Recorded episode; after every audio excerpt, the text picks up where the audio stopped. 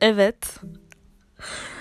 Giriş yapmak çok zor ve şunu biliyorum ki ileride dinlediğimde ki bu ileride bir saat sonra falan. Yani Dilara ya ne söylemişsin ya ne anlatıyorsun ya ah, falan diyeceğim bir şeye giriştiğimi çok iyi biliyorum ama dönemin hangi dönemin içinde olduğumuzu biliyorsunuz. Onu tekrarlamayacağım. Pandemi demek istemiyorum. Ama oyunculuk yapamadım, mesleğimi yapamadığım şu dönemde günde 10 saat garsonluk yaparak tüm enerjimi aktarsam da her şeyimle orada çalışıyor olsam da içimde paylaşmak isteyen bir tarafımın olduğu böyle çok intim bir yerde bir şey ifade etmek isteyen bir tarafımın olduğu bir gerçek. O yüzden belki bir şeyler oluyor, bir şeyler hissediyorum bir şeyler düşünüyorum. Ve bunları biriyle paylaşırsam o ortaklığı tekrar kurarız. Belki böyle düşündüm.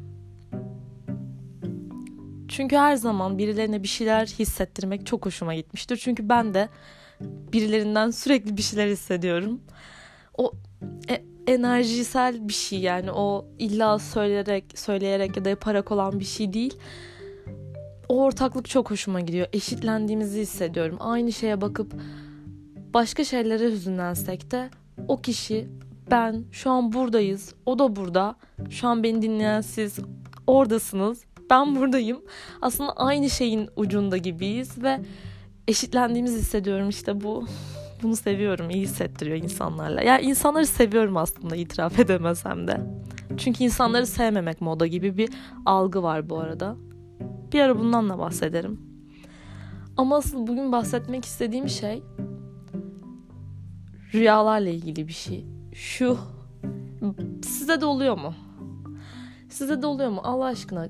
Kabus diyoruz bazı rüyalara, bazı rüyalara rüya diyoruz. Ama bazı rüyalar da var ki kabus denilemeyecek kadar e, normal yani aslında kötü değil. Çünkü kabus deyince kan, gövde, kavga falan olması gerekiyormuş. Bir sıkışmışlık olması gerekiyormuş gibi hissediyoruz. Bu kabus değil diyorsun. Ama rüya da denilemez. Rüyalarda tatlı, yumuşak, hoş böyle bulutsu bir yapıda olurlar gibi geliyor. İşte tam öyle rüyalar, beni asıl etkileyen rüyalar onlar oluyor. Çünkü tüm gün etkisi üzerimden geçmiyor. Bugün bir rüya gördüm ve rüyamda 3-4 sene kadar önce kaybettiğim anneannem ki e, tarihi netlemiyorum bilerek ve netlemekten kaçıyor çünkü zihnim. Hangi yıl olduğunu söylemek ya da bilmek istemiyorum, düşünmek istemiyorum. Kaybettiğim anneannemi gördüm aklımda hiç yokken. Ve rüyamda aslında onun ölmüş olduğunun ve öldüğü için geçen zamanı ben rüya olarak görmüşüm. Rüyam böyleydi. Anladınız mı? Rüyamda o yaşıyordu ve ben bir rüya görmüşüm. Anneannem ölmüş. Benim böyle 2-3 senem onsuz geçmiş falan gibi bir rüya gördüm ve buna inandım. Yani buraya biraz maalesef acımasızca gerçekçiydi. Yine bir simülasyonun oyunlarından biri galiba. Ve uyandım ve yani rüya yine onun da rüya olduğunu gördüm. Ne kadar gerçekçiydi falan diye düşündüm. Evdeyim bu arada karantinanın karantinadayım. Dördüncü gün olması gerekiyor. Pozitifim. Her zaman pozitifim. Işıl ışıl parlıyorum. Pozitif çıktım maalesef teste. Ve arkadaşıma mesaj attım yani 3-4 saat sonra konuştuk bunu. Hemen değil kahvaltımı yaptım kahve içiyordum falan. Rüyamda böyle böyle gördüm dedim. Biraz o beni hüzünlendirdi falan dedim. Zeynep çok yakın arkadaşım. Zeynep bana dedi ki ee, belki dua istiyordur anneannen dedi. Annem böyle söyler hep dedi. Fatiha oku bir de. Ama ben Fatiha'yı bilmiyorum. Yani Google'a girip falan okumayı düşündüm. Yani Google'a böyle yazıp Fatiha mutlaka vardır. Nasıl onun fonetik şeyi vardır diye düşündüm okunca ama ya telaffuz etmeye çalışırken çok yanlış şeyler de söyleyebilirim. Bir de hani benim bilgim de bildiğim şeylerden birinde çekmecelerde zihnimdeki şöyle bir bilgi var. Hani bir heceyi farklı okursan bambaşka anlama gelecek şeyler söyleyebilirsin. Dursuz falan. Tam tersini söylemiş olabilirsin falan gibi hayati gramer kuralları var kafamda Arapçaya dair. E gözümde Arapça böyle bir dil. O yüzden yok dedim yani hiç girişmeyeyim ya tam tersi şeyler söylersem beter ol daha da beter yat falan gibi şeyler söylersem. O yüzden yani o fikri rafa kaldırdım. E zaten ölümle ilgili de konuşmayacağım.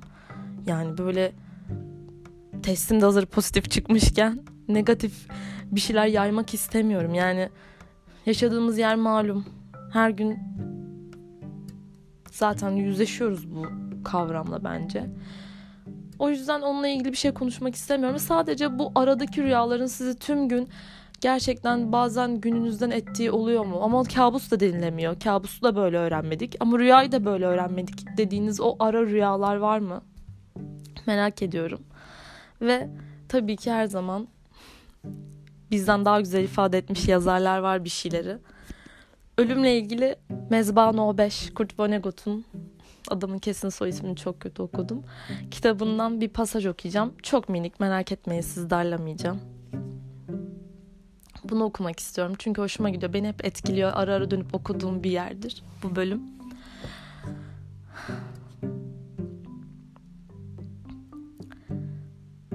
Tralfamador'da öğrendiğim en önemli şey insanın öldüğü zaman yalnızca ölmüş göründüğüdür.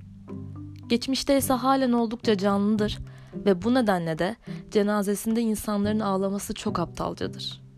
Tüm anlar, geçmiş, şu an ve gelecek her zaman var olmuştur, her zamandan var olacaktır.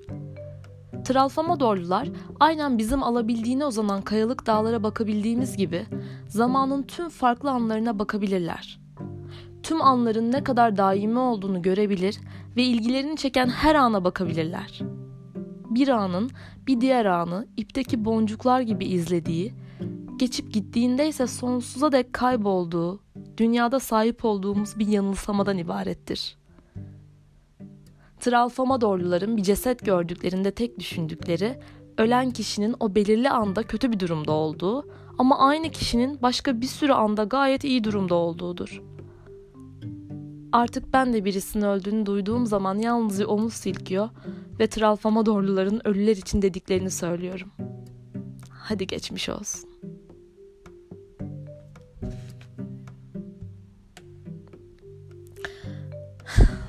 Dinlediğiniz için teşekkür ederim. Ani bir bitişe hazır mıyız bilmiyorum. Ama bir bitişe hazır olduğumu biliyorum. Tamam, kapatıyorum. Görüşürüz.